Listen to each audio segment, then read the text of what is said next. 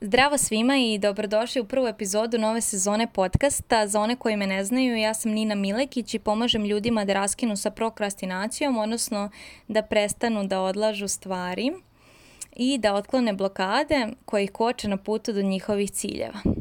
To radim kroz psihoterapiju u kombinaciji s NLP-om. To su ujedno moje dve velike ljubavi, nešto u čemu uživam i nešto čime se bavim i nešto što naravno i volim. E, verujem da ne možemo da upravljamo vremenom zbog toga što mi nismo neki vremenski putnici, niti imamo neki brod, niti možemo se teleportujemo i tako dalje, ali da možemo da upravljamo sobom u tom vremenu, da možemo da upravljamo našim mislima, da razumemo naše osjećanja bolje, da prestanemo da odlažemo stvari i da se približimo korak bliže našem velikom cilju.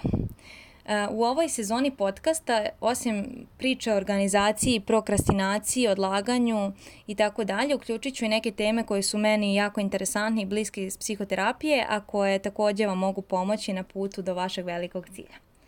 Pa da krenemo. U današnjoj prvoj epizodi vola bi da pričam o ulozi žrtve.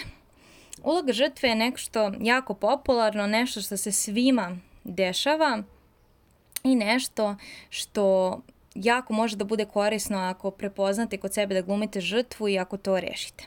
E sad, šta to tačno znači biti žrtva? Um, ljudi žrtve e, su ljudi koji ne žele da preuzmu odgovornost za svoje postupke, odluke, za sve što rade u životu. Pa tako, žrtvi su svi drugi krivi.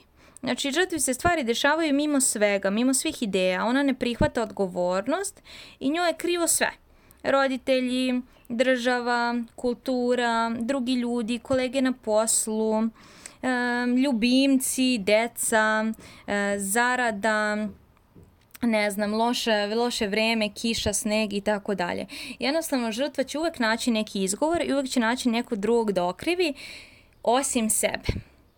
E sad, jedini način da se izađe iz te uloge žrtve jeste da se ta odgovornost preuzme kako nam ta odgovornost može pomoći u životu. Pa lepo, evo po pitanju odlaganja stvari, odnosno prokrastinacije, kada shvatiš da odlažeš stvari zbog toga što ti sam biraš, a ne zbog nekog drugog, na primjer zove te prijateljica i ti sad ostaviš sve svoje odložiš, odeš s njom na kafu i onda dođeš kući i besna si na sebe i kažeš, ja šta sam to uradila, odložila sam, a, morala sam da idem da se vidim s njom, da uradim njeno i sad ne mogu da stignem svoj i tako dalje. To je samo začarani krug, jer ti si u stvari svesno izabrala da odeš sa tom prijateljicom na kafu, da odložiš nešto svoje bitno da bi uradila njeno hitno, kako bi rekla moja biznis mentorka, to mi se jako sviđa. Ona kaže, e, ne treba da odlažeš svoje bitno da bi e, rešavala uvek tuđe hitno. I to jeste jednim delom ta uloga žrtve. Ono što je još karakteristično za žrtvu jeste da ona jako lako privlači pažnju i da tu pažnju dobije besplatno zbog toga što sve što ona treba da uradi jeste da je bude loše. Da se ljudi sažale na nju, jao jadna ona, žrtvica, nema vremena, ne može da stigne, e, ona ima šestoro dece, četvoro, jedno, koliko god, uopšte nije broj bitan, žrtva će uvek naći da je njoj najteže, da ona jednostavno ne može, da su svi protiv nje, da bi sve bilo super – kada bi se nešto drugo popravilo, naprimjer kad bi živjela u drugoj državi, kad bi bilo, ne znam, lepše vreme, a ne ova kiša, kad bi je kolege razumele, kad bi imala bolje prijatelje i tako dalje. Tako da ona tako i malo mašta e, o budućnosti. E, možda i najinteresantnija stvar e, kod žrtve jeste to da se žrtvi stalno nude rešenja, ali ona će svakom rešenju da nađe manu. Pa, na primjer, ako neko stalno odlaže uh, E, ne znam, da završi fakultet i sad jednog dana ti dođe mama i kaže ti ok, vidim da odlaže da završi fakultet i to, ajde onda zaposli se. E pa žrtva će tu biti, ja, pa ne znam, ne mogu, ne bih ja to, ipak ću ja da završim fakultet i tako dalje. Uglavnom ovo se može primeniti na sve e, zbog toga što žrtva nikad neće prihvatiti uh, ovaj, e, rešenja. A čak i kad uspe da reši nešto, ona će opet naći nešto drugo gde će moći da izigrava tu žrtvu. Pa, na primer, neko uopšte nema posao. I sad dođe neko drugi, kaže, ok, evo, preko prijatelja našao sam ti vezu, počni da radiš sve to. Žrtva će biti u fazonu, ja, pa ne mogu sad, nije dobro vreme, navikla sam se da budem kod kuće sa decom, šta će reći supru, šta će reći ovaj, šta će reći onaj. Uglavnom, uh, možda meni najinteresantnija stvar jeste da kad se žrtvi ponudi rešenje, odnosno ponudi prilika da prihvati odgovornost, da će ona tu odgovornost nekako izbeći i želeće da ostane u toj ulozi žrtve. Takođe, još jedna stvar koja mi je jako interesantna uh, jeste, jeste da E, se ove stvari nekada dešavaju nesvesno. Naravno, postoje ljudi koji svesno biraju da glume žrtve, da kukaju, da se svi sažal, sažaljevaju na, njim, na njima, da jednostavno krive sve druge, ja, jadna ja, i oni vide, mislim ti ljudi vide da to prolazi, zato, zbog toga oni to i rade, vide da neko drugi će da uradi umesto njih i eto, može im se. Ali ono još bolje je kada to nesvesno radimo, odnosno kada iz nas nesvesno izađe to ja nemam vremena, jo, ja ništa ne stižem, viš kako drugi, svima je bolje, meni je jako loše, ja ne mogu sve da postignem, ne mogu da se organizujem dovoljno dobro i tako dalje i naravno to iz nas izlazi nesvesno, ali jako je bitno obratiti pažnju na reči koje govorimo, kao i na misli koje mislimo, e, zbog toga što tu leži ključ našeg rešenja. Ako želite da prestanete da igrate žrtvu, morate da analizirate sebe, odnosno da oslušnete sebe i da vidite šta govorite, da uhvatite u sebe u tom trenutku i kažete jao, ja igram žrtvu.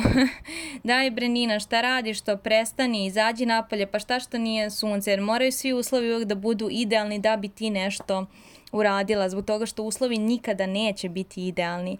I onda žrtva tako ostane, čeka i čeka i čeka i nikada to ne dočeka. Tako da u ovoj kratkoj epizodi o ulozi žrtve, uh, ono što možemo da izvučemo kao glavni zaključak jeste da žrtva želi da joj se pomaže, ali ne i da joj se pomogne. I žrtve su jake, jako vešte u pravljanju ciljeva. Znači, žrtva će napraviti tako dobre ciljeve, ciljevi su još jedna a, tema koju ja jako volim, o tome ću pričati u narednim epizodama, i a, kao što rekoh, one su jako vešte u pravljanju ciljeva i naprave ih tako da, da nikada ne mogu da ih ostvare. I to je, eto, još jedna zanimljiva stvar.